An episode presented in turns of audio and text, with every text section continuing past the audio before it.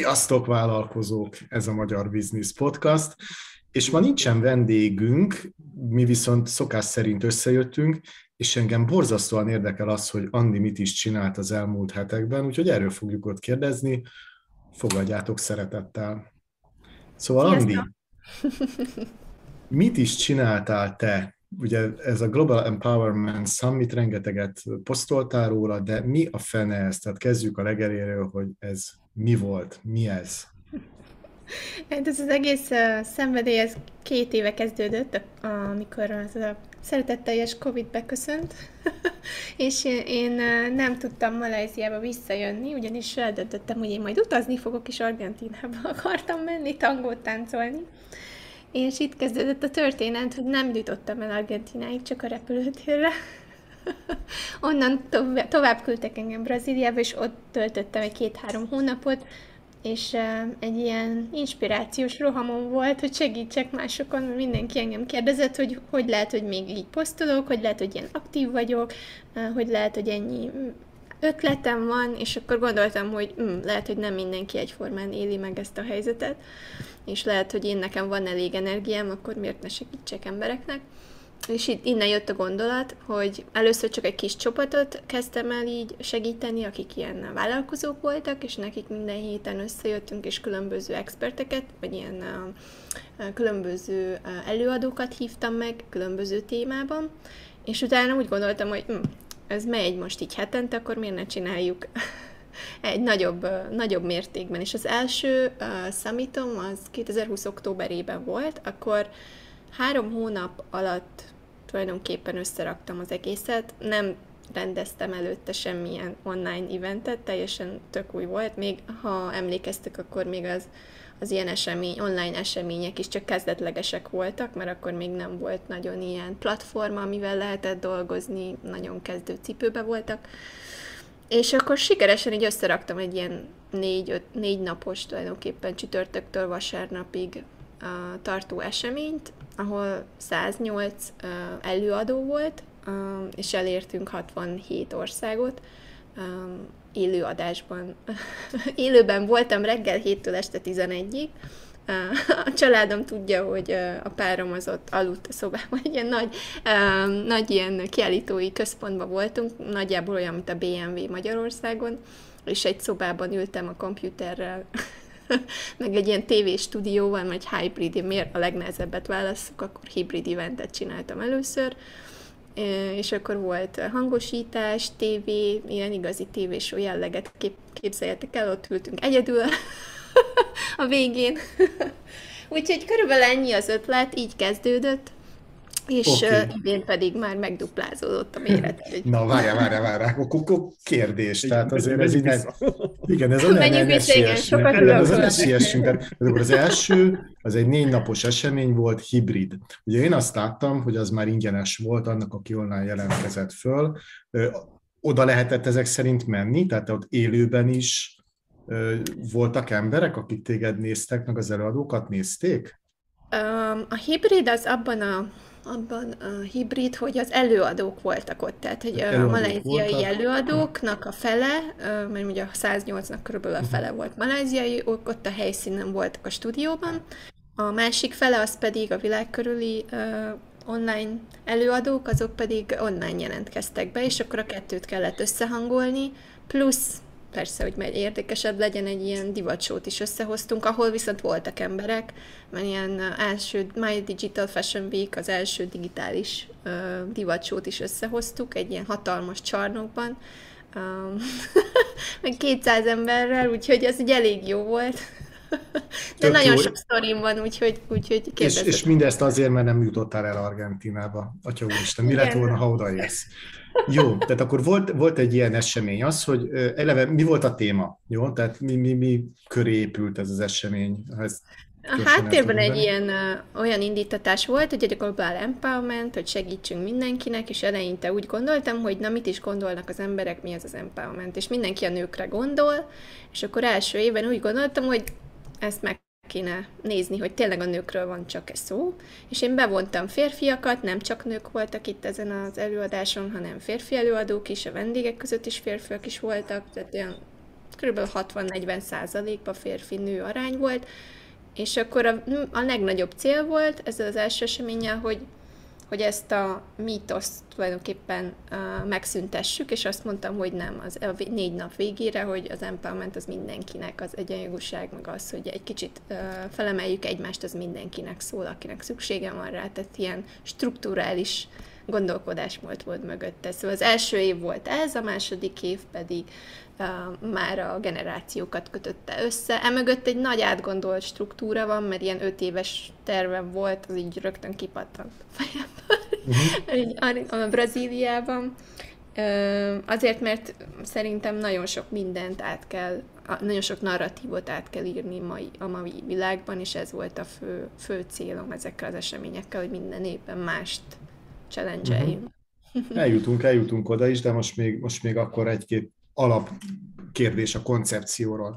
Ugye azt, hogy miért érte ez meg annak, aki ebbe becsatlakozott nézőként, az tök egyértelmű, ingyen van, tök jó előadók, tök magas színvonalon összehoztad, ez, ez már tavaly is látszott.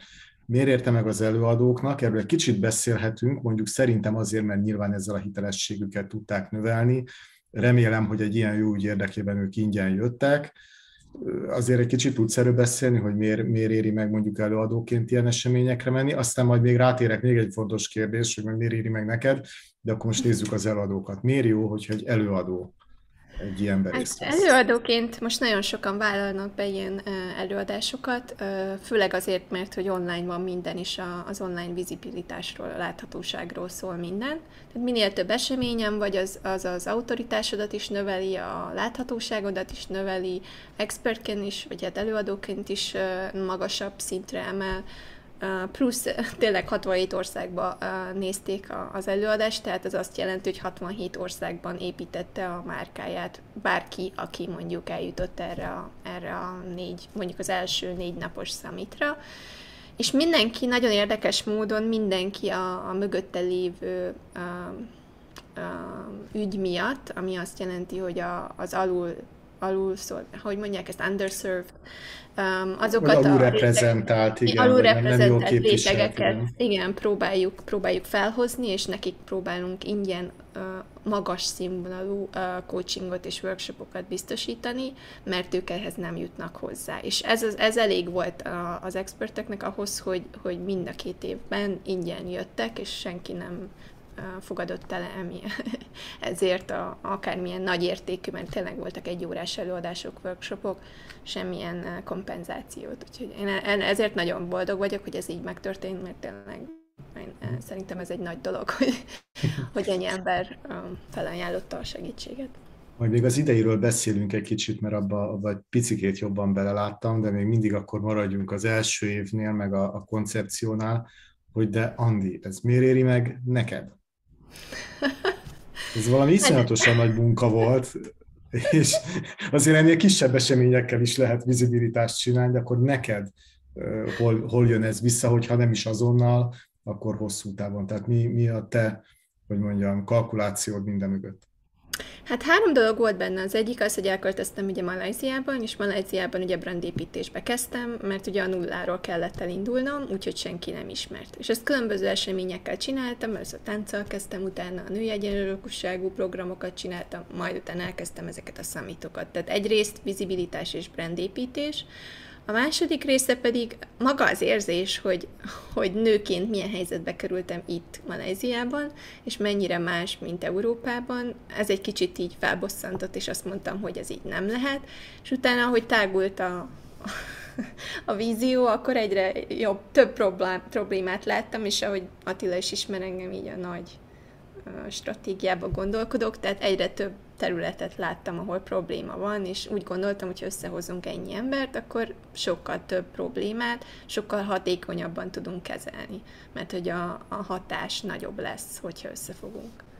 Uh-huh. Vissza tudtad mérni mondjuk ennek az első eseménynek a, a hatását, hogy ez mondjuk neked mennyi fizetőügyfelet hozott, vagy mennyivel nőtt meg a te oldalad látogatottsága, feliratkozód, akármi, tehát akár, akár az ingyenes dolgaidhoz mennyivel jutottak hozzá így többen, vagy esetleg fizetős részben mennyivel lett ez jobb? Hát én úgy gondolom, hogy mindenki tudja, hogy a brandépítés ez egy nagyon hosszú folyamat, különösen így uh, vállalkozóként szerintem ez egy hat, főleg globálisan, mert ugye nem az a célom, hogy helyileg uh, legyek ismert, hanem globálisan. Ezért uh, amit tudok mondani, és ami történt az első és a második év közben, az nagyon könnyű volt megduplázni, plusz mínusz egy csomó emberrel többet szerezni, tehát maga a vizibilitás, az autoritás az, hogy egyszer már megcsináltam, uh, rengeteg, uh, rengeteg elismertséget szerzett nekem, tehát ha ma megkeresek valakit, akkor azt mondja, ú, a Global Empowerment Summit, akkor én oda, ott akarok lenni. Tehát, hogy inkább az volt már idén, hogy ők jöttek, és akkor én nekem kellett azt mondani, hogy nem, sajnos ezt most nem, mert már fel vannak iratkozva, nem akarok többet, és megszabtam a határt 200-nál, és utána 220 körül lett a vége, mert hogy még, na jó, akkor még egyet, na jó, akkor még egyet. és akkor ez már dupláz, megduplázódott. Tehát most, ha megnézed, akkor 2020-ban 70 élő adás volt, ebben az évben 313 élőadás volt, ami tavaly ugye 72 óra volt contentben, az most 220 óra volt, mert 6 mm. hetes volt a konferencia, és a website visitor az is a, a weboldal látogatottságom is több mint megduplázódott, mert ugye tavaly 6000 ember ment el a weboldalamra, és idén meg 14 ezer ember látta a weboldalamat, ami nem azt jelenti, hogy ugye feliratkoztak az eseményre, de meglátogatták a weboldalamat, ami nem, nem használok marketinget, tehát úgy, úgy értve, hogy nincs jó SEO, nincs jó Google beállítás, stb., mert ugye még ott nem tartok, hogy erre tudnék áldozni. Tehát egy ilyen esemény, hogyha a márkádat mondjuk meg akarod mutatni embereknek, akkor ez a, ez a plusz, amit kapsz tőle, hogy sokkal többen, többen látják. És a harmadik dolog, amit Attilának már meséltem, ami nagyon izgalmas, hogy mivel ezek az expertek vagy előadók elismert előadók, tehát egyre jobb és magasabb szintű előadók jönnek ugye évente, mindig egyre magasabb szintű, ezért a, a networking hatása, az együtt dolgozás, a kollaboráció szinten most nagyon valami olyan dolog előtt állok, ami nagyon meg tudja nyomni. Még jobban majd jövőre, mert ugye olyan emberek pró- látták, hogy mit csinálok 6 hétig, és azt mondták, hogy oké, okay, akkor én veled akarok dolgozni, mert te megcsinálod, amit mondasz, tehát, hogy walk the talk. akkor te egy olyan nagyon szexi témában vagy benne, mint a branded networking? Ha jól értem? Branded mert, mert anyagilag te most nullában Igen. Vagy, vagy anyagilag, anyagilag ez egy, ez egy teljesen non-profitnak nevezhető dolog, amit én úgy szeretnék kiváltani, hogy én szeretnék ebből is megélni, ami azt jelenti, hogy szeretném majd később az expertekkel együtt egy olyan marketplace-szé alakítani, ami a, a, azokat a vállalkozókat segíti, akik valamilyen jó ügyön dolgoznak. Tehát ennek van egy ilyen jövőbeli képe, és látom majd, hogy hogy fog bejönni a revenue, miből lesz majd a bevétel, viszont ez még nem érkezett el, tehát a sok befektetett munka az nekem megéri, mert én úgy gondolkozom, hogy a kapcsolatok nagyon sok ö, tőkét jelent tehát az a legnagyobb tőke mai világban, hogy kapcsolatokat tudok építeni. Tehát ha most összeszámolod a összesen 400 ember, aki előadó, akivel beszéltem, azok mind kapcsolati és kollaborációs lehetőségek. És csak ha egy vagy kettő vagy három összejön olyannal, akinek mondjuk LinkedIn-en, mert tényleg ilyenek vannak, hogy egy milliós követő, meg 200 ezer követő, tehát hogy nagy influencerekről van szó, akkor ez nyilván az én hatásomat, az én cégemet, az én mellék nem ezt a mission dolgot, amit itt csinálok ezen a hubon, hanem magát az én szolgáltatásaimat is előtérbe fogja helyezni. Jó, hát lassan rácsúszhatunk akkor, akkor az idénre, szerintem. Egyrészt azért is gondoltam, hogy erről beszéljünk, mert nekem volt ilyen szerencsém, hogy befogadtál ebbe a 220 fős csapatba, hát ez, ez, ez valami fantasztikus élmény volt. Attila, te előadtál? Nem? nem? Idén még nem. Idén még Idén nem. Még nem. Majd jövőre. Idén még nem. A jövő. Hát mondják, hogy egyre, egyre jobbak az események, bár ugye az első is nagyon nagy expertek voltak, a másodikban már én is befértem, és a, a, a, a rangját akkor éri el, Attila rangját akkor éri el, amikor már a harmadik évben már Vagy az utolsónál majd be. Fog. Nem, nem, nem, ez remélhetőleg évtizedekig menni fog és nőni fog. Na, tehát ez valami csodálatos volt, Andi, jó? Tehát azért is gondolom, hogy erről, erről beszélni kell, hogy hogy lehet egy ilyet létrehozni, és akkor, akkor tényleg a, a, a networking hatást én is hadd tegyem bele, vagy, vagy hadd emeljem ki. Olyan jó volt ezekkel az emberekkel, legalább az előkészületekről, amikor beszéltünk, panelre fölkészülés, stb. Olyan, olyan jó volt a társaság. Voltak közte nem annyira tapasztalt előadók, voltak egyértelműen látszott, hogy nagyon tapasztalt előadók, és mindenki hihetetlenül készséges volt, és, és, és visszajelölt LinkedIn-en, és, és tényleg olyan kapcsolatok indultak be, hogy, hogy szuper. Na de, hogy álltál ennek neki? Tehát mondjuk tegyük fel, hogy van egy vállalkozó, tetszik neki ez az ötlet, szeretne valamilyen nagyobb fajta eseményt csinálni, meghívni embereket, jó, nem 200-at, nem 500-at, mit tudom én, pár tucatot, hogy álltál neki? Tehát hogy, hogy, hogy indul egy ilyennek a szervezése? Hát a legnagyobb dolog, amit így szín, magad előtt kell tartani, az az, hogy nem is a végcél, hanem inkább az, hogy milyen jellegű, milyen hangulatú eseményt akarsz csinálni. Mert ugye a legtöbb visszajelzés, ami jött nekem, az arról szólt, hogy ez volt a legemberségesebb online event, amin részt vettek. Valaha tehát hogy amióta mondjuk ez létezik, ők ezt imádták ezt a részét, hogy én minden kis ilyen tyúkanyó, ugye így vezetgettem mindenkit, tényleg így pozitívan próbáltam tartani őket, de a legnagyobb dolog, amit az elején el kell döntened, hogy milyen hangulatú eseményt szeretnél. Profitorientáltat, professzionálisat, laza, engedd el a hajad, flexibilis esemény, tehát döntsd el a stílust amit képviselsz, és utána, utána tartsd magad ehhez, és az experteket vagy az előadókat is úgy választ ki, hogy azok az emberek készen álljanak erre a stílusra. Hogyha igen, érted, hogy mire gondolok. Igen, Tehát, igen, és, most egy laza ember sokkal jobban érzi magát egy kreatív, laza mm, térben, egy professzionális kicsit kockásabb ember jobban érzi magát a egy e-mail, nekem is volt ilyen egy vagy kettő, hogy én csak egy e-mailt akarok, az esemény erőt egy órával, hogy ott kell lennem ennyi, ne küldj nekem több e-mailt.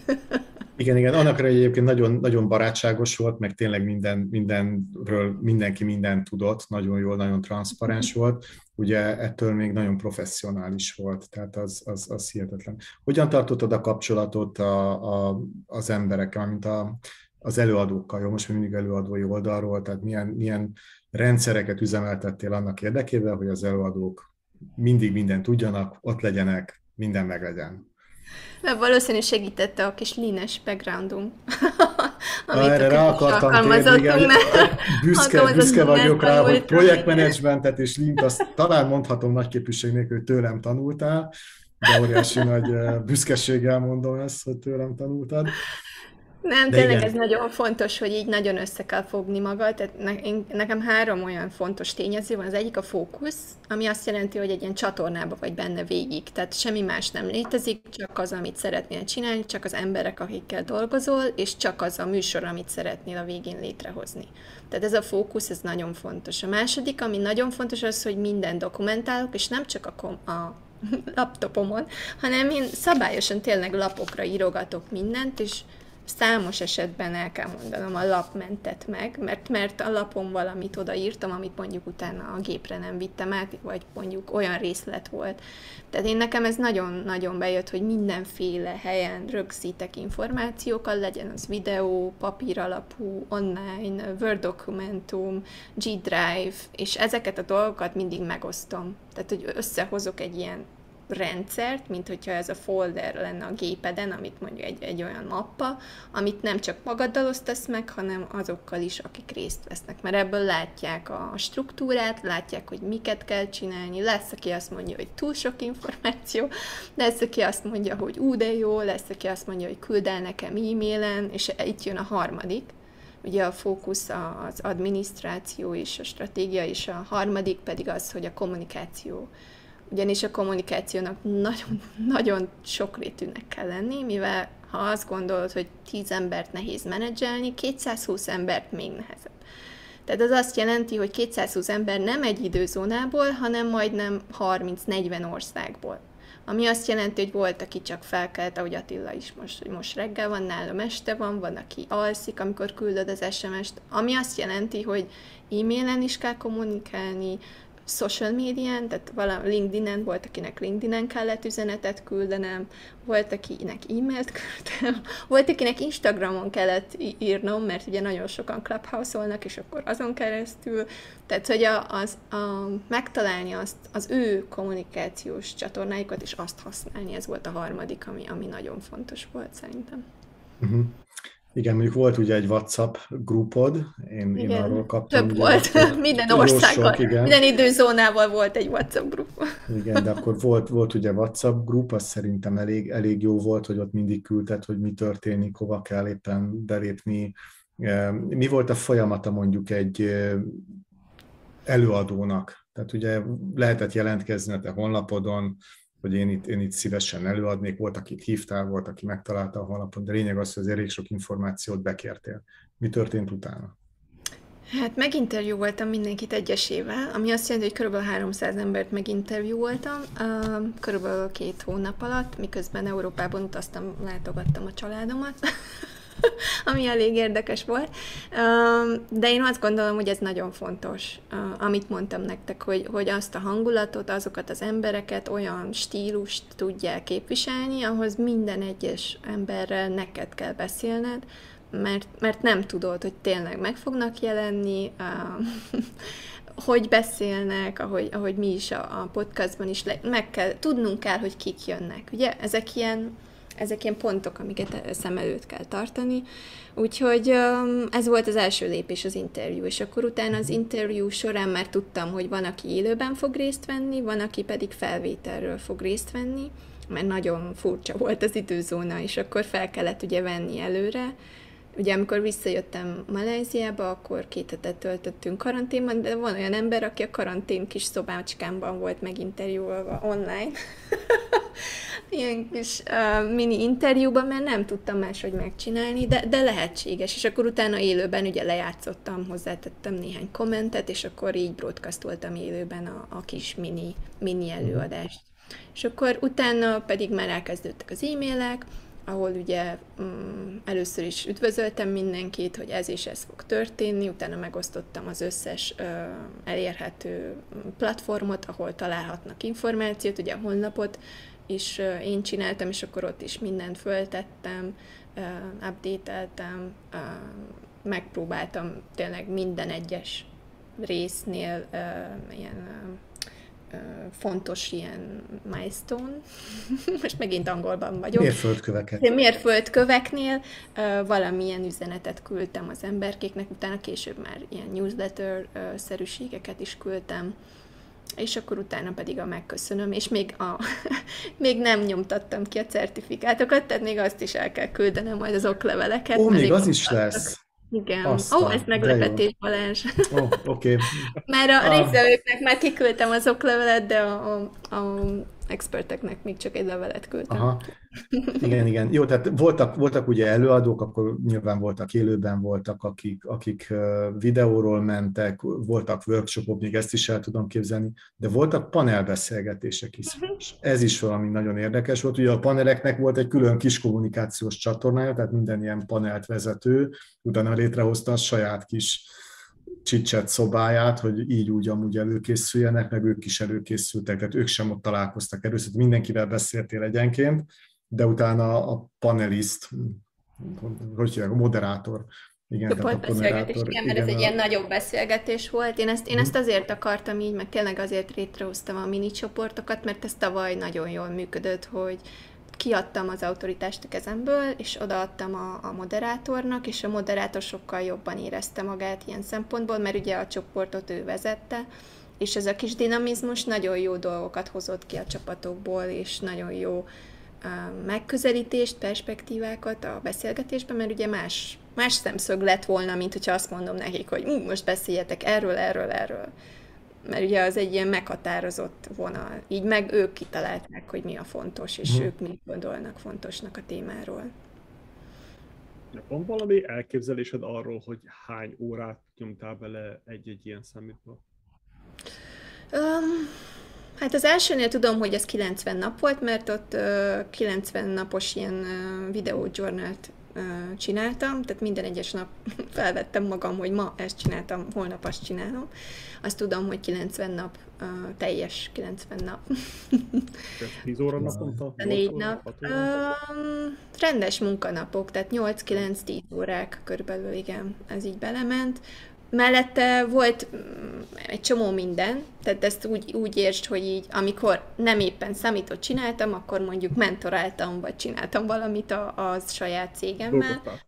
De igen, de csak így ugrottam, tehát hogy így kitöltöttem a lyukakat.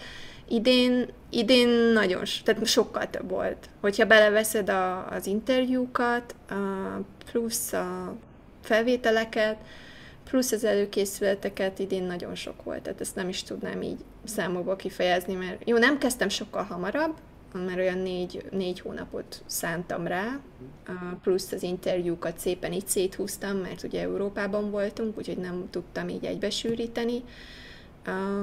De igen, ez, ez sok, sok munkaóra, befektetett munkaóra. De rengeteget tanultam. Azt kell mondanom, hogy amit visszakaptam belőle, azt az üzletemben nagyon jól tudom hasznosítani, és most tényleg ott állok, hogy valószínűleg írni fogok egy könyvet róla, és valószínűleg lesz egy olyan modulom, amit el fogok adni, hogy hogy kell online eventeket szervezni, mert tényleg a, a tapasztalat, amit szereztem, és még nincs vége. Tehát ugye ez még olyan, hogy még egy csomó mindent kell megtanulnom, még egy csomó minden van a pakliban, úgyhogy na, ez egy nagyon érdekes utazás. Igen, nekem ez azért szimpatikus, amit csinálsz, meg ahogy csinálod, mert Mivel többször is elhangzott a podcastjainkben, hogy, hogy véleményem szerint a pénz, a pénz és a marketing az, utolsó, amit kell gondolni. Nézd meg, hogy mi van a mögött, mi, mi marad még utána. Ugye bár ha jól értettem, akkor baszott sok órát nyomtál bele, anyagilag ez abszolút nem érte meg, viszont a networking, az networking circle az viszont boostolta, mint a szemét. És akkor most, hát úgy gondolom, igen, hogy az anyagi az most fog jönni, uh, jövő, jövőre, jövő után, amikor azt fogom tudni, hogy tényleg olyan emberekkel tudok majd összeállni, akik már nívós emberek világszinten. Tehát ez azt jelenti, hogy hogy amellett az ember mellett lesz az én nevem megemlítve, ami sokkal többet fog nekem a brandemnek segíteni, plusz az ügyemnek is, ami nálam az nagyon sokat nyom alatba. Mert ugye én nem akarom ezt elfelejteni, hogy miért csinálom, hogy segítsek embereket, és ez én igen, ilyen branded community-nak, vagy uh, ahogy te is mondtad régen, a, a maintained, vagy for profit, non-profit, tehát hogy, hogy, hogy, hogy egy ilyen üzletet csinálni belőle, de jól menő üzletet, hogy utána abból én tényleg hozzá tudjak járulni másoknak az, a, a pozitív változásához, vagy, vagy tényleg jó hatással is, nem csak ilyen um, időszerű kis segítséggel, hanem tényleg egy ilyen um, fenntarthatósági szemlélettel saját magukat fent fogják tudni tartani, hogyha én ezt tényleg jól csinálom. Nagyon sok uh, alapszinten gondolkodó, wannabe vállalkozó ugyebár nehezen szakad el az ilyen anyagias világtól. Tudsz mondani körülbelül egy számszerű számot, hogy mennyibe került egy ilyen számintnak a megszervezése? Körülbelül 50 dollár, 100, és az per kb. Megjátok, át kell váltanom tavalyit, mert a tavalyit tudom teljesen, mert ott nagyon sok költségem volt. Idén nagyon jól csináltam, nagyon lenyomtam a költségeket, mivel hogy csak online volt, és nem volt hibrid. De tavaly, ha jól emlékszem, akkor sokkal többet kellett rá költeni. Mindjárt meg is váltam. Tehát igen, ez, ez egy olyan dolog, hogy ezt így át kell, át kell gondolnod, hogy, hogy van-e befektetett. Én, én fogtam a befektetett pénzt, és azt mondtam, hogy ez, a, ez van, ez egy megtakarított pénz, amit én most arra költök, hogy tényleg legyek valaki, és segíthessek embereknek, ez nekem egy hosszú távú befektetés. És úgy gondoltam, hogy ez megéri, és ahogy így kiderült a végén, meg is érte, mert hogy tényleg olyan dolgok vannak a, a levegőben, ami, ami tényleg hihetetlen. Tehát így nem tudtam volna elképzelni. Hát olyan fél millió forint körül volt, a, amit az első eventre költöttem. Uh, ez ilyen... A másodikra hmm, Wix előfizetésen kívül... Uh, a StreamYard fizetős? A StreamYard az, az, amit én nekem kellett, a, a, tehát a tárolás, a videótárolás miatt én vettem meg a bájtokat, mert ugye az sokkal nagyobb, uh-huh. hogyha, sokkal jobb, hogyha sok tárol, egy, mert ugye újra, újra tudod hasznosítani a videókat, uh-huh. tudod tartani a platformon, a cloudon hosszabb ideig, tehát inkább a platformok voltak, ami, amire fizettem, de nem volt, tehát töredéke nem volt. Én szerintem a fele alatt van, tehát ilyen 2500 ringit, ami, ami körülbelül 200-250 ezer forint körül van, amit idén ráköltöttem mondjuk. Hát ez tök jó. Tehát, hogy, hogy e, emellett viszont meg valami hihetetlenül profi volt a, a, a kinézet.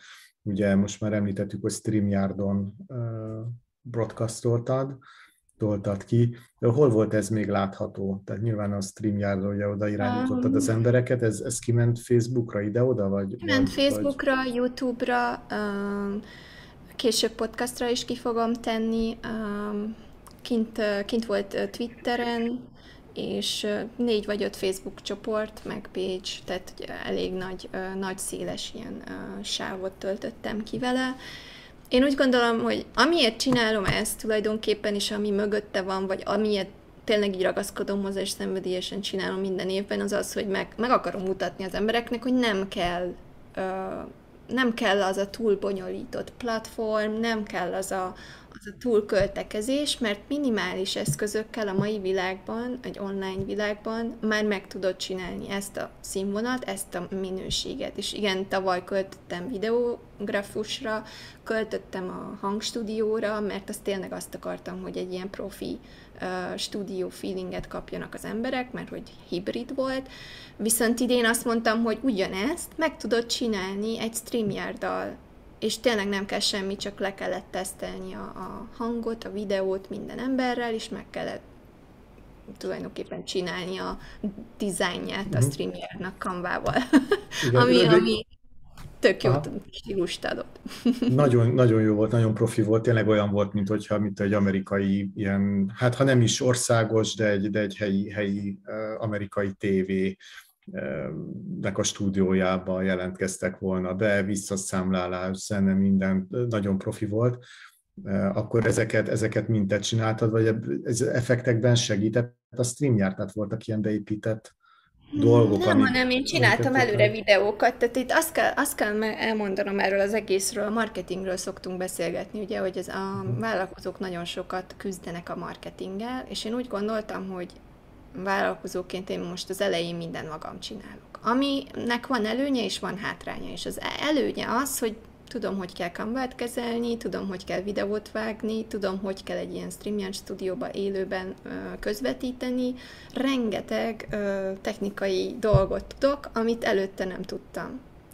És ez olyan, olyan magabiztosságot és hátteret ad, amivel egy ilyen eseménynél nem rokkan, nem, nem mondom azt, hogy úristen, félek, hogy mi lesz mert az egyetlen dolog, amitől féltem tavaly, az az volt, hogy a Covid majd lezárja Maléziát, és akkor két nappal a rendezvény előtt még nem tudtam, hogy a rendezvényközpontban leszünk, vagy online mert hogy ugye pont abban a időszakban volt, hogy vagy lezárják, vagy nem. Vagy Üdv megengedik, vagy nem. Üdv a klubban, én a Toastmaster egy ilyen hét országot átölelő ilyen Toastmaster konferenciát csináltam ugye tavaly májusban, és mondjuk jó, aránylag hamar kiderült, hogy ebből, ebből nem lesz élőben semmi, de azért az már olyan fázisban jött, amikor le volt szervezve egy csomó minden helyszín, stb., és akkor, akkor online legyen, de igen, ez a, ez a, át tudom érezni ezt Igen, ezekre, ezekre gondolni kell, mindig volt B meg A tervem, uh, tudni kell, hogy, hogy mindig a megoldáson gondolkozom, problem solvingoztunk éveken keresztül, szóval szerintem e, vállalkozóként nem is lehet másképp működni, csak úgy, hogyha a megoldásra gondolkozol, és nem a problémákkal, mert minden nap van valami, tehát ha egy ilyen eseményt szervezel, volt olyan, hogy két órával az előadás előtt azt mondták, ú, nem tudok, ott lenni. Idén is volt ilyen. És akkor bedobtam a WhatsApp csoportba, hogy hú, van egy fresedésem, valaki esetleg be akar ugrani. És akkor valaki mondta, hogy jó, persze, és akkor csináltunk egy rögtönzött interjút. Tehát, hogy ehhez amit sokan megint csak pozitívumként éltek meg, hogy nem volt rögzített, tehát semmi sem rögzített, itt minden flexibilis. Tehát ha valami történik, akkor kitaláljuk, hogy hogy lehet. Ha valami nem jól működik, akkor kitalálom, hogy mi működik jobban. Ha nem tetszik, hogy WhatsAppon írok, akkor megmondja, hogy LinkedIn-en írjak, akkor LinkedIn-en írok. Tehát, hogy én rendezőként nagyon flexibilisnek kell lenni ilyen szinten. Jó, hát azért mondjuk 200 embernek a hasfájását fejben tartani azért az, az, az nagyon nehéz, mert mondjuk ilyen szempontból tényleg azt láttam, hogy az, az előadók mint egy kis csapat működtek, tehát az nagyon uh-huh. jól működött, tényleg, tényleg nagyon jó volt az előadói gárda még egyszer megtiszteltetés, hogy belefértem. De, de, hát én örültem, most idén sok magyar előadó is volt, uh-huh. úgyhogy a, a, pont a online marketinges Szabó Kristóf is velünk volt, uh-huh. úgyhogy ő, ő is csinált egy nagyon jó előadást. Úgyhogy én most ezeknek nagyon örültem, hogy így hazai, hazai előadókat is tudtam hozni. Uh-huh.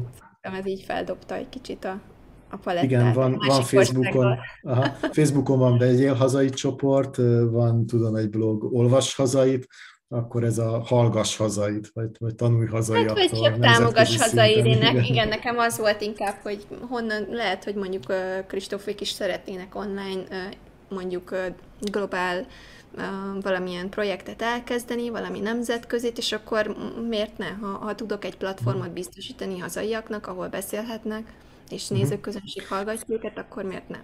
Igen, igen, hihetetlen, és akkor most megint egy kicsit így, így összefoglalva mondjuk egy fontos technikai dolgot, hogy ezek szerint akkor így a StreamYardon így össze legoztad, ugye ezeket az ilyen beharangozókat, jaj, hogy hívják ezt is magyarul, ugye ez a, ez a, ez a főcím jellegű uh-huh. dolgokat, előre, előre meg volt a videó, mint hogy egyébként a rádióban is így működnek, tehát ott is a sok, sok fájt fölrakják, a beszélgetős fájt, meg a zenefájlokat, és így gomnyomásra játszik. Egy podcastokban is nagyon sokan vannak, akik így, így utólag vágnak be dolgokat, vagy, vagy szétvágják az interjúkat, és benet közben élőben fűznek hozzá meg, és megjegyzést. Úgy élőben, hogy nyilván az is föl van véve, meg meg van vágva, de hogy, de hogy egy valaki beszél valakivel, és utána, utána pedig egy kicsit kitárgyalják azt, amit hallottak. Most egy teljesen más jellegű podcastot hadd mondjak, a Formula Podcast egyik nagy kedvenc, amikor hallgatni kell valamit, akkor a Formula Podcastnál tényleg nagyon neves előadókat tudnak ők is elérni, és akkor az van, hogy egy kicsit széthúzzák, lehet, hogy mondjuk egy, egy, egy, egy nagyon neves szakember az csak 10-15 percre tud neki kötélnek állni, de abból egy tök egy órás anyagot összehoznak, meg mond valamit az illető, kitárgyalják, jóval, mit mondott erre a Ross Brown, stb. És, és így, így meg az anyag hosszát, ami egyébként lehet, hogy 10-15 perc lenne, ami szintén egyébként óriási nagy dolog ilyen, ilyen kaliber emberöknél, de, de ezt is tök jó eltanulni. Jó, tehát akkor ez össze volt legózva. Uh, hát az előkészületekről arról kell beszélni szerintem, mert az, az nagyon fontos. Tehát nekem egy hatalmas, nekem az Excel file működik a legjobban. Csináltam egy menetrendet, mind a hat hétre, előre, uh-huh. emberekkel, főcímekkel, linkekkel, mert ugye nem csak uh-huh. StreamYardon működtünk, hanem a workshopok azok Zoomon működtek. Tehát, hogy, hogy volt egy hely, ahova minden információt, ez volt, a, amit lélegeztem, hogy ki lesz mhm. reggel, hánykor lesz, mennyi szünet van, ki, ki osztja meg kivel, ki követ kit, ugye StreamYardban figyelni kell, hogy mennyi órát, vagy milyen hosszú uh-huh. egy ilyen, mert ugyan később egyszerűbb megvágni, ha rövidebbekre húzod, és nem 8 órát közvetítesz, szóval akkor ilyen kis egyórás blokkokat csináltam. Úgyhogy ez, ez nagyon fontos szerintem az előkészület, és hogy lásd a nekem 6 hét, ugye ez egy ilyen nagy kihívás volt magamhoz képest, hogy 220 órát így lenyomjak hat hét alatt, úgyhogy nincs segítségem, tehát én voltam mindig a, a képernyő előtt, or, vagy mögött. Nagyon klassz volt ugye ez a backstage, ahol először bekerültek az előadók, meg te is, és ott a backstage-ben beszélni, meg, meg te így, így néha kibe, kibeugrott, amikor a panelnél ezt ugye meg lehetett csinálni, a panelben nem voltál bent, hanem te akkor a backstage-ben voltál, ez, ez is hihetetlenül jól működött a, a StreamYardban. Jó, tehát mindenképpen kell egy forgatókönyv, ugye? Igen. Tehát én is csináltam pár napos konferenciát, meg, meg, meg egyhetes audit programot, meg minden, de, de ott ez a forgatókönyv dolog, ez így nagyon, nagyon bejött nekem is, hogy mi, mi, melyik órában mi történik, ki mit csinál, honnan, hova megy. Ezeket, ezeket tökre meg kell tervezni. De azon kívül még megütötte a fülemet valami, ugye minden reggel tudni, hogy mi fog aznap történni, tehát egy ilyen kis agilis projektmenedzsment is volt benne, egyfajta ilyen stand-up, hogy akkor az aznap, aznapi résztvevőkkel akkor még Egy utolsó Igen, egyeztetés? pontosan reggel, reggel, ahogy felkeltem, akkor az volt az első, nekem reggel, hogy minden egyes embernek küldtem egy emlékeztetőt Whatsappon, hogy akkor ma te itt leszel, és akkor ma van megjelenésed, és akkor ehhez a linkhez itt csatlakoz, többi információ az Excel fájlban, bla bla bla. Tehát, hogy minden reggel így ezzel kezdtem a kávé után, kiküldtem a, a napi emlékeztető üzenetet, és akkor az emberkék, ú, tényleg, ú, nem tudtam, ú. Ez ma van? Ú, köszönöm, ú, de jó, hogy szóltál. Aha. És akkor én like, ú, akkor tényleg, és akkor utolsó percben volt, aki még mondjuk ezután sem reagált, akkor uh, volt, nagyon sok esetben hívtam őket, és akkor öt perccel előtte felhívtam mindenkit, ha, ha öt perccel előtte nem írt vissza, akkor tudtam, hogy azt, azt az embert hívnom kell. És akkor rájuk csörögtem, és megjelentek, és akkor megcsináltuk az interjút. Uh-huh. Érdekes, hogy azért mindegy, hogy most online uh, rendezvényről van szó, summitról, vagy bármilyen projektről végül is, az, hogy a tervezés mennyire fontos. Én ezt látom a stratégiában is, hogy, hogy nagyon olyan idézőjelbe téve olyan könnyű felépíteni a dolgokat, hiszen annyi minden van, annyi eszköz van a piacon, hogy már, már az zavaró, Viszont az, hogy mikor tudjad, hogy mit, mire, mikor fogsz használni, és belefér a büdzsébe, és egyszerűen használni, és hogyan értesíted az embereket. Szóval ezt a timeline-t felépíteni, hogy minden egyes emberre, hogy mint ez, ez azért borzasztóan sok előkészületet igényel. Pedig ez csak egy, egy idézőjelben egyszerű summit volt, hát aztán egy, mit egy komoly cégnek a felépítése, vagy hasonló volt, az még.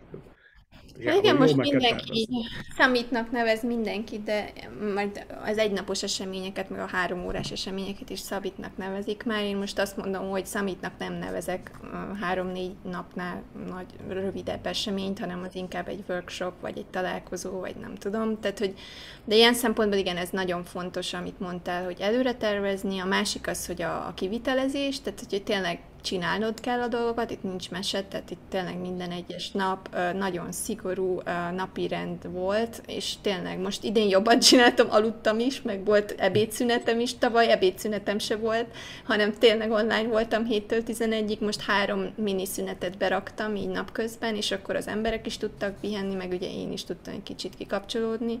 Viszont a másik, amit mondtál, a platformokban nagyon bele lehet zavarodni, és szerintem ezt manapság már mindenki mindennel tapasztal tapasztalja, nem csak eseményszervezéssel, ami beszéltünk a kommunikációról, vagy a közösségépítésről, hogy annyi platform van, és én, én meginterjúoltam idén majdnem 40 ö, eseményplatformot, tehát az összes ilyen modern platformot, ami ma elérhető, és a 40-ből körülbelül kettővel tudtam volna dolgozni, de nem dolgoztam velük, mert, mert az ár miatt, tehát nagyon-nagyon magas áron árulják ezeket a szolgáltatásokat. A legolcsóbb az 2500 dollár volt, amit alkalmazhattam uh-huh. volna, plusz fizetni kellett volna minden egyes emberért, aki a platformon megjelent, és az ilyen 10-20-30 ezer dollároknál sem állt meg, tehát ilyen 50 ezereseket uh-huh. is elkértek. És azt mondtam, hogy ez így, ez így nem fair, mert hogy ugye maga a szolgáltatás az, amit egy weboldalon, vagy egy ilyen streamyard vagy egy ilyen zoom meg tudsz csinálni, azt kérik el azért, mert egy helyen van, és akkor tulajdonképpen kibéreled a digi, digi, digitális ö, helyet magadnak, ezért a pénzért, mert nincs mögötte annyi érték, amit kaphattál volna. Azon kívül, hogy igen, a, a felhasználó barátság, az, hogy egy helyre mennek az emberek, az egy, az egy nagyon nagy előny, mert ugye az eseményeknél az a nehéz, hogy, hogy elé rakni az embereknek, mindig notifikációt vagy emlékeztetőt küldeni, tehát ezen még mindig dolgozni kell, viszont a YouTube csatorna elég jónak bizonyult, mert tényleg a legvégén rászoktak arra, hogy akkor a YouTube-on mindig élőben leszünk, és akkor ott meg tudnak találni minket, vagy a Facebook csoportokba bementek, és ma, ma már mindenki ezt csinálja. Tehát, hogy nagyon gondolják át az emberek, ezt mindenkinek mondom, aki eseményekkel foglalkozik, hogy megérje azt a sok pénzt belefektetni, és ha most összehasonlítjátok, hogy mondjuk 2000 7000 ringitből, ami mondjuk 500 ezer forint, egy, egy tényleg nívós kiállító központban, mint egy BMW-ben csináltam egy eseményt, és egy nagyon nagy kvalitással, audióval, stb. És akkor ezek a platformok meg 2500 dollárnál kezdődnek, csak a platform. Igen. Tehát még egyébként, semmi ha most, most, hogy így mondod, egyébként jól emlékszem, hogy a Toastmasters-nél is ezt így, ezt így megnéztem, hogy a, hogy lehetne, mit lehetne első sok, amikor kiderült, hogy ezt nem lehet személyesen megrendezni, akkor ú, erre biztos van valamilyen fórum fölött, és, és áll leesett, azonnal elengedtük, egyszerűen lehetetlen lett volna azt, azt kifizetni, kitermelni.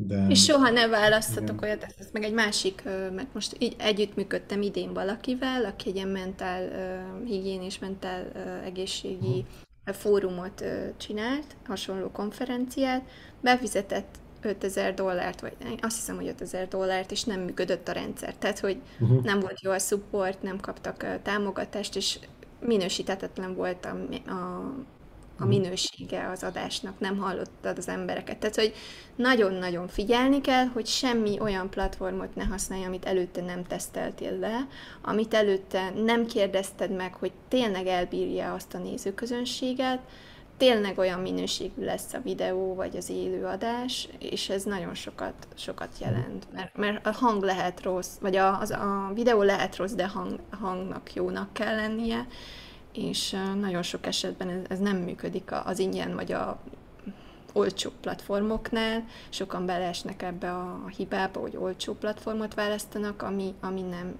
nem bírja el az embertömeget, vagy beleugranak egy nagyon drágába, és utána az nem hozza vissza a, a minőséget, mert ugye nem bírja el a igen, hát megint, megint egy klasszikus kell idézni, Fúris Attillát, aki valahogy azt szokta mondani, hogy ugye vagy, vagy, vagy, vagy pénzt teszel bele, vagy időt, és akkor ezek szerint ugye az, az időt azt így nem nagyon lehet megspórolni, és, és teljesen kétes, hogyha beletolsz sok pénzt, hogy akkor az jó lesz. Ha a saját idődet beletolod, akkor, akkor az sokkal kontrollálhatóbb, hogy milyen lesz, mert, mert ki tudod tesztelni, ki tudod tanulni. Figyelem, Viszont figyelem, előnye is van ennek hogy online van szerintem. Nagyon sok előnye van egy, egy vállalkozónál, hogy, hogy online elérheted a világot bárhol, bárkit ilyen szinten. Ez szerintem egy Az nagyon nagy... Hogy, hogy egyszerű YouTube, Zoom, akármi feliratkozással már lehet egy nagyon alap dolgot kezdeni, egy-két-három évig csinálni. A lényeg az, a lényeg, az elején az a lényeg, hogy csináljad. Tehát figyelem, figyelem, azok, akik SaaS dolgokat építenek, software as a service termékeket, azok mindenképp csinálnak freemium változatot. Mindenképp legyen, éppen azt néztem én is, hogy vannak olyan cégek, elkérnek több száz dollárt egy, egy szoftverért, és nem, ki sem tudod próbálni. Szóval ilyet ne csináljunk. Az elszá, a szoftvereknél ez nagyon-nagyon fontos. Ugyebár ez nem van egy kenyér, de még ott is elmész a, a henteshez, még az is ad neked egy szelet szalámit, mielőtt megveszed azt a szalámit. Szóval ez nagyon-nagyon fontos, hogy kell valami alap ingyenes változat, mert Mindegy. Ezt a szituáció kreálta Attila, én úgy gondolom, mivel látom, hogy mi változott egy év alatt, én úgy gondolom, hogy nagyon keresettek lettek a platformok, mindenki úgy gondolta, hogy ebből majd ha nagyon meg fognak gazdagodni. Van, aki tényleg belefektetett, nekem is tavalyi partnerem az Ermit, az hihetetlenül megnőtt, és ők voltak a leglojálisabbak ezzel az 2500 dolláros ajánlattal, tényleg végtelen felhasználóval, tehát tényleg egy nagyon jó ajánlat volt, csak éppen most a büdzsém nem volt akkora.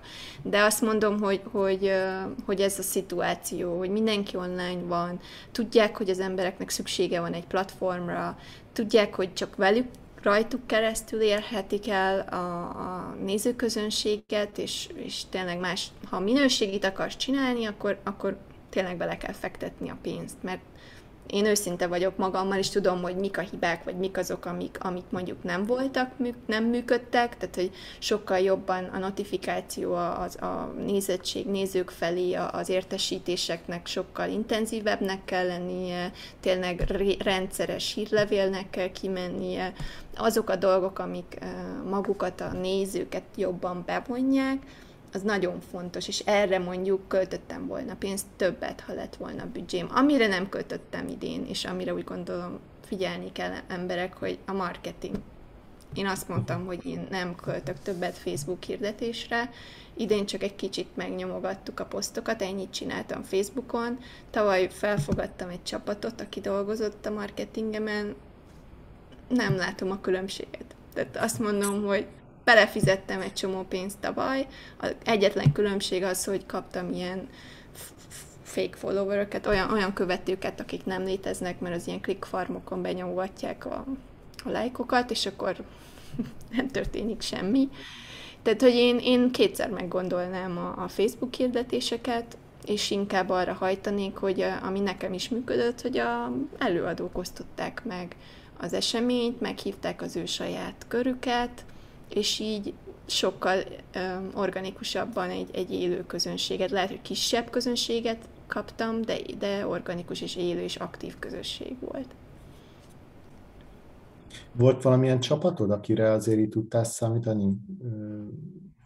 Volt bármi, nem, bármi adminisztratív segítség? Semmi? Idén teljesen ilyen magányos harcos voltam. Um, annyi volt, hogy uh, volt egy, uh, egy, azt hiszem egy, egy srác segített néhány ilyen um, tartalmat készíteni, vizuális tartalmat, néhány táblázatot, meg ilyeneket, aminek már nekem vég, végképp nem volt türelmem a, a legnagyobb segítségem én azt mondom, hogy a, a előadók voltak, mert hogy tényleg komolyan vették, volt egy mag, aki 20-30 ember a 220-ból, akik tényleg megosztogatták a social médián az eseményt, beszéltek róla, mai napig emlegetik, hívogatnak emberkéket, összekötnek új előadókkal, tehát hogy én azt Most... mondom, hogy ők voltak a legnagyobb segítségem Aha. azzal, Most egy kicsit, kicsit behoztam abból, behoztam abból, amit eddig nem, nem csináltam, mert én is megosztottam, de ugye eh, tényleg mit csináljon egy ilyen, egy ilyen előadó, aki nem tudom, tehát én, én, én nem, nem tudok jól megosztani dolgokat, azt, azt hiszem, attól félek majd Andi segíts, hogy hogy lehet ezt, hogy mondjam, jól csinálni. Ez, ez, nem, ez nem attól függ, Balázs, én úgy gondolom, hogy mindenkinek megvan a pozitívum, amit hoz az eseményhez, és rendezőként szerintem ezt kell látnod, hogy, hogy a perspektíváját kell látnod az embereknek. Tehát ha van egy ember, akit mondjuk 800 ezeren követnek, akkor valószínűleg az az ember el van havazva, a saját világában él, vannak saját dolgai, amiket csinál, tehát nem fogom ö, execíroztatni, hogy ú, de hozd meg, ú, de csináld ezt, mert tudom, hogy nem ez az elsődleges célja, örülök, hogy ingyen eljött. Uh-huh. És akkor van egy másik kategória, aki mondjuk uh, lelkes, és, és segít, és ott van a találkozókon, és, és van érték, amit közvetít, és én ennek is örülök. Tehát, hogy azért én nagyon felhívnám a figyelmét megint az embereknek, hogy ne csak a nagy mm, emberkékért menjenek, és őket hívják meg, mert sokszor nagyon nagy meglepetések vannak a, a kisebb, nem, nem tapasztalt előadókból. Nekem Afrikából olyan előadók jöttek, hogy én nekem leesett az állam. Tehát, hogy a, a minőség, az elhatározottság, a, a szenvedély, a, a, tényleg a, a minőség, amit hoztak, és a perspektíva az olyan, hogy nélkül, és soha életükben mondjuk nem voltak ilyen eseményen, megtiszteltetésnek vették, hogy én meghívtam őket, 600-szor megköszönték, van akinek az első életében az első platform volt. Volt olyan előadóm, aki dadogott, és azt mondtam, hogy srácok, engem ez nem érdekel, tudattam a, a, a moderátorral, hogy a, hogy a beszélő az, annak ilyen beszélő, beszélés nehézségei vannak, és hogy figyeljen rá, hosszabb lesz, ami kifejezi magát, és a végén meg felbátorodott, magabiztosabb lett, és elmondta, hogy ő előadó szeretne lenni, mert hogy ő gyere, gyere, ilyen fiatalokat akar ösztönözni, tehát hogy annyira, annyira sok minden eléd jön, hogyha kinyitod a, azt a kaput, és tényleg nyitott vagy mindenkire, minden elő, előítélet nélkül, hogy a maga az érték, amit, amit létrehozol, sokkal nagyobb mm. lesz, mint hogyha van 600 előadód, aki mondjuk nem tudom milyen világhíres ember, és mondjuk 20 percre a rendelkezésedre áll, de azon kívül semmit nem csinál. uh-huh.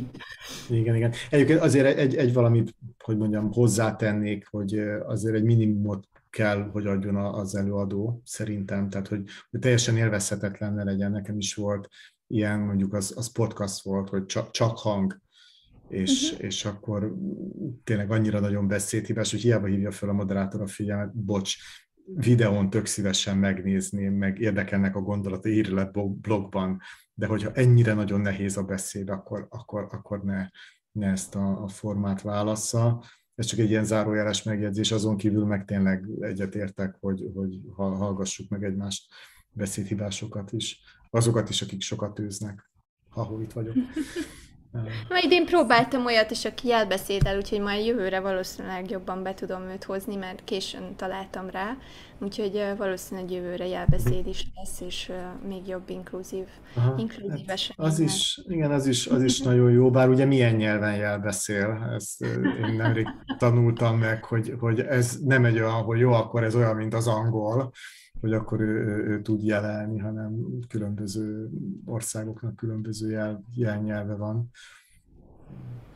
Ebbe is bele kéne ásni az embernek. Magát, hát nagyon sok csak, minden van. Én, a, én azt mondom, hogy csak tartsuk magunkat így nyitottan, és, mm. és uh, tényleg ne, nem szabad megijedni semmitől, hanem így nyitottan kell tartani az opciókat, és, és csak mm. arra, én azt látom, hogy, hogy minden, mindig tudod jobban csinálni.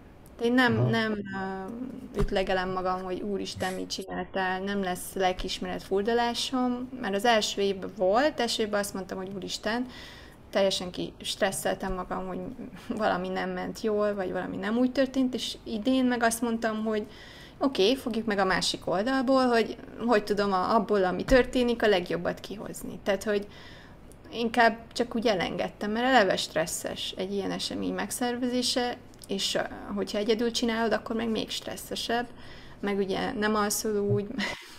Hány üveg vörös bor fogyott a hat hét során? Há, jó lenne, de nem hiszem úgy, hogy egy-egy kicsi vörös bor se fogyott, de igen, de próbáltam úgy tényleg kikapcsolni, néha tényleg fenntartottam a táncóráimat, találkozgattam néhány emberrel, kimentem ebédelni, tehát azért próbáltam így megtartani a kis szüneteket és úgy mhm. figyelni magamra jobban. Mint, mint Tudom, hogy ezt, ezt tavaly csináltad, és, és idén nem említetted, ez a, ez a videó blog, vlog is nagyon jó ötlet. Wow.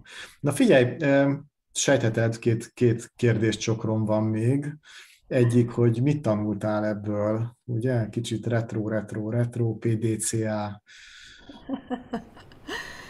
Hát úgy gondolom, hogy, hogy nagyon sokat tanultam abból a szempontból, hogy hogy kell embereket kezelni. Szerintem ez egy hatalmas tudás, amit két év alatt összeszedtem. Összesen 300-400 ember előadó fordult meg így a kezem között, és úgy gondolom, hogy ezzel nagyon sokat tanultam róluk, hogy mi, a, mi az, ami kell nekik, mi az, amit szeretnek, mi az, ami, ami, ami miatt mondjuk beneveznek egy ilyen eseményre, és nem kérnek uh, érte semmit, hanem tényleg az ügy miatt jönnek. A másik, amit tanultam, a technológiai háttér, hogy, hogy a legegyszerűbb a legjobb, tehát tényleg ne gondolkozzunk túl komplexen technológiában, hanem, hanem a lehető legegyszerűbb eszközökből rakjuk össze azt, amit mindenki tud használni. Mert a platformoknál sok olyan volt, hogy tavaly volt egy platform, és akkor mm, ez micsoda, meg kell tanulnom, mert soha életemben nem voltam ott, tehát ott be kell rakni egy oktatást a platformról, ami sokkal több órát elvesz, mint hogyha mondjuk mindenkit Zoomra teszek, vagy mondjuk StreamYardot, amit most már nagyon sokan használnak, vagy van egy oktató videó YouTube-on, és akkor azt kiküldem az embereknek. Úgyhogy egyszerűsítsd a technológiát. A harmadik, amit most így próbálok pedzegetni, az a, az a community építés, a közösségépítés, és hogy a meglévő közösséget átrakni az eseménybe, hogy sokkal aktívabb nézőközönség legyen, és nagyobb számban. Mert amit látok most, ami jól működött, hogy a 6 hét alatt a, a nézett órák száma az 1000 óra fölött van, majdnem, majdnem 1200 óra a nézett órák száma YouTube-on, ami nagyon jó a 6 hétból kimenőleg, és azt néztem, hogy hogy visszatérő nézők vannak, ami azt jelenti, hogy nem csak előtte, mert most beraktunk egy játékot, és akkor uh, ilyen uh, kincsvadászatnak neveztem, és akkor december 31-ig még mindenki végignézheti, pontokat gyűjthet, mert beszállt egy indiai applikáció készítő emberke, hogy ú, akkor itt az applikációs, akkor mindenki nézheti, pontokat szerezhet mindenféle engagementtel.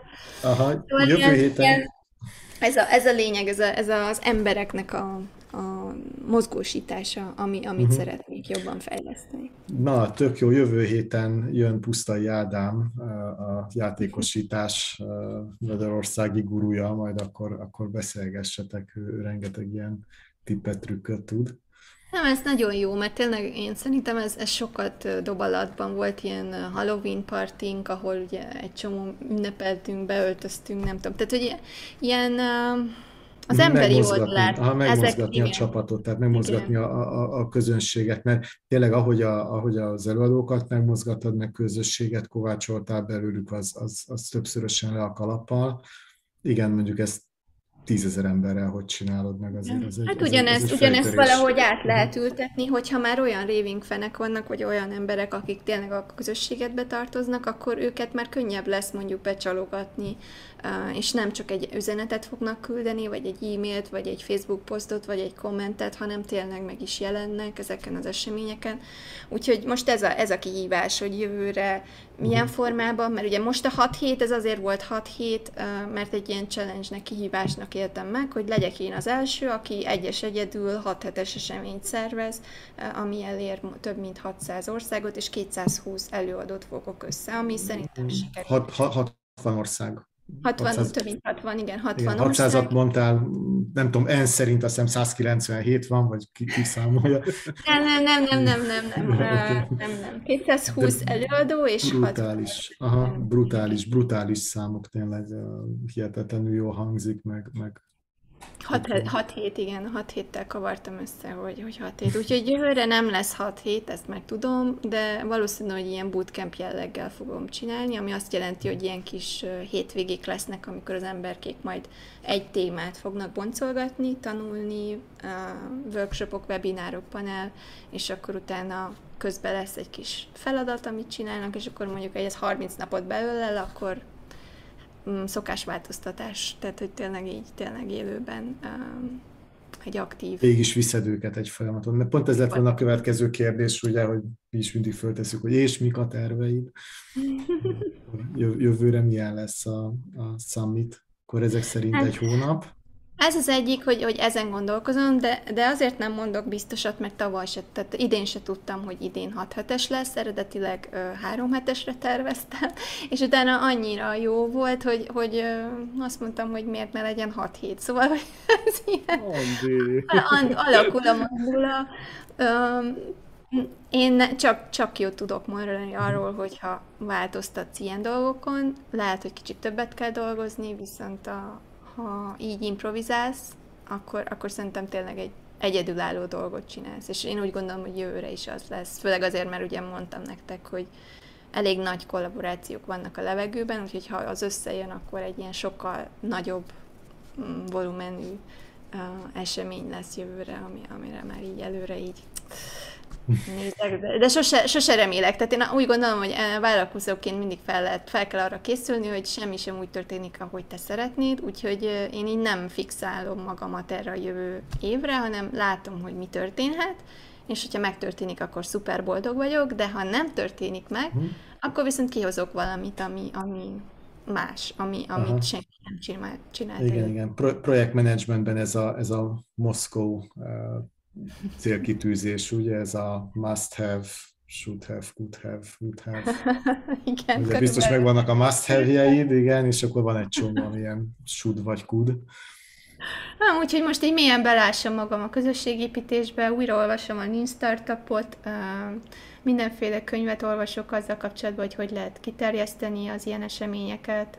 Valószínűleg meg fogom írni a könyvemet a jövő első negyed évben ezzel kapcsolatban hogy tényleg hogy lehet ilyen human, uh, emberséges online eventeket, um, nem csak a száraz dolgokat, hanem tényleg a sztorikat, amik mögötte vannak, és a, a, a hasznos uh, dolgokat, amiket az emberek tényleg tudnak használni büdzsén. Tehát főleg olyan embereknek, akik valamilyen ügyén dolgoznak, és nincs hatalmas tőkéjük arra, hogy mondjuk ilyet megcsináljanak, hogy lehet legegyszerűbben, legolcsóbban, mégis jó minőségben ilyen eseményeket uh-huh. szervezni. Úgyhogy ez jön ki valószínűleg és a, és a termékem valószínűleg, hogy ezzel fogok most foglalkozni tréning szinten, hogy segítek embereknek, most kaptam már meghívásokat ilyen uh, eseményekre, hogy ilyen konzultánsként segítsek nekik, hogy hogy lehetne ezt jól összehozni. Úgyhogy ez már, egy, már egy, megint egy plusz, ami, ami emiatt jött, mert már második éve bizonyítottam. Itt egy másik nagyon kulcsfontosságú kérdés. Kinek ajánlod az ilyen rendezvényeket, hogy szervezenek? Szervező. Uh.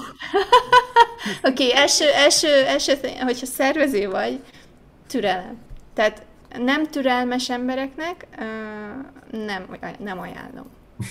mert, mert három zsáknyi türelemre van szükséged, emberek miatt, rendszer miatt.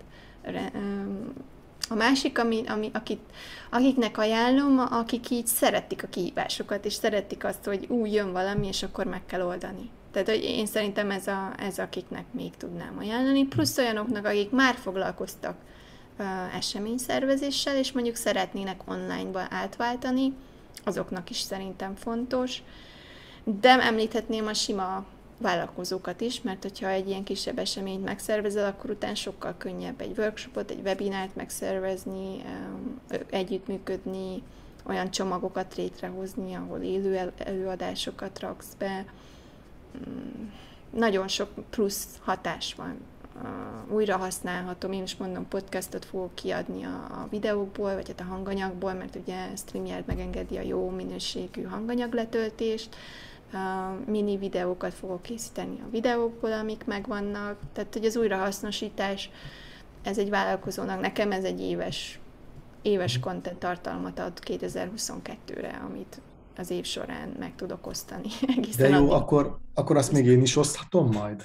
Pontosan, te is oszthatod majd. Még az is lehet, hogy valami magyar feliratot összehozunk hozzá. Valami magyar feliratot rádobunk, mert szerintem az is nagyon érdekes volt, hogy, hogy tényleg a projektmenedzsment, mint life skill, ezt most így... Nem, nagyon, nekem nagyon tetszett, a, ahogy hogy projekt by projekt megváltoztatni tehát a világot projektenként. Szerintem ez egy nagyon jó cím is volt, amit kiválasztottál, és én nekem ez nagyon tetszett, ez a másik, hogy, hogy megadtam a szabadságot az embereknek, hogy ők választák ki a saját témájukat, tehát amikor meginterjú voltam minden egyes előadót, akkor azt mondtam, hogy ez a keret, most idén a generációs kapcsolatokról lesz szó, hogy tudjuk őket összekötni, hogy tudnak együttműködni, és akkor ezen belül, hogy tudod erre rárakni a saját témádat. És így minden egyes témáról a cryptocurrency keresztül, a bitcoinon keresztül mindenről tudtuk beszélni, mert ugye csak megemlítettük, hogy generációs aspektusból ez hogy, hogy néz ki, kinek egyszerű, kinek nehezebb.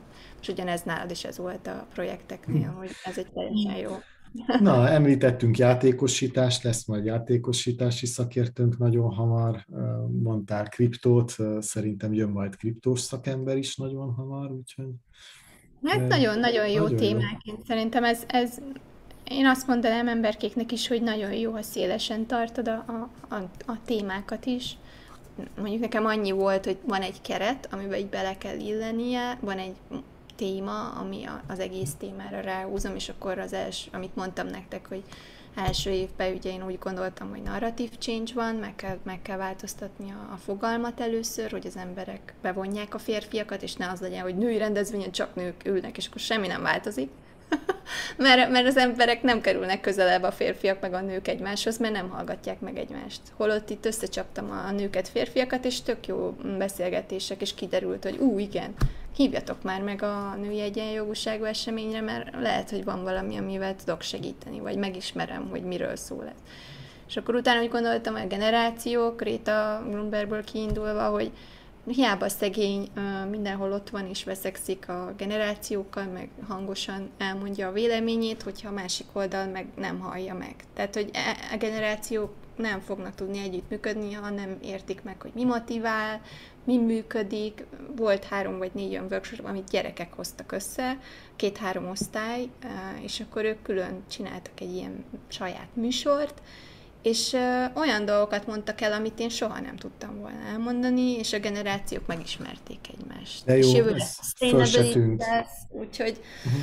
mindig wow. valami érdekes. Sustainability, ráadásul. Igen, fenntarthatóság minden területen, úgyhogy az lesz a következő téma. Hát, na, tök jó, szerintem mindenki nagyon izgatott.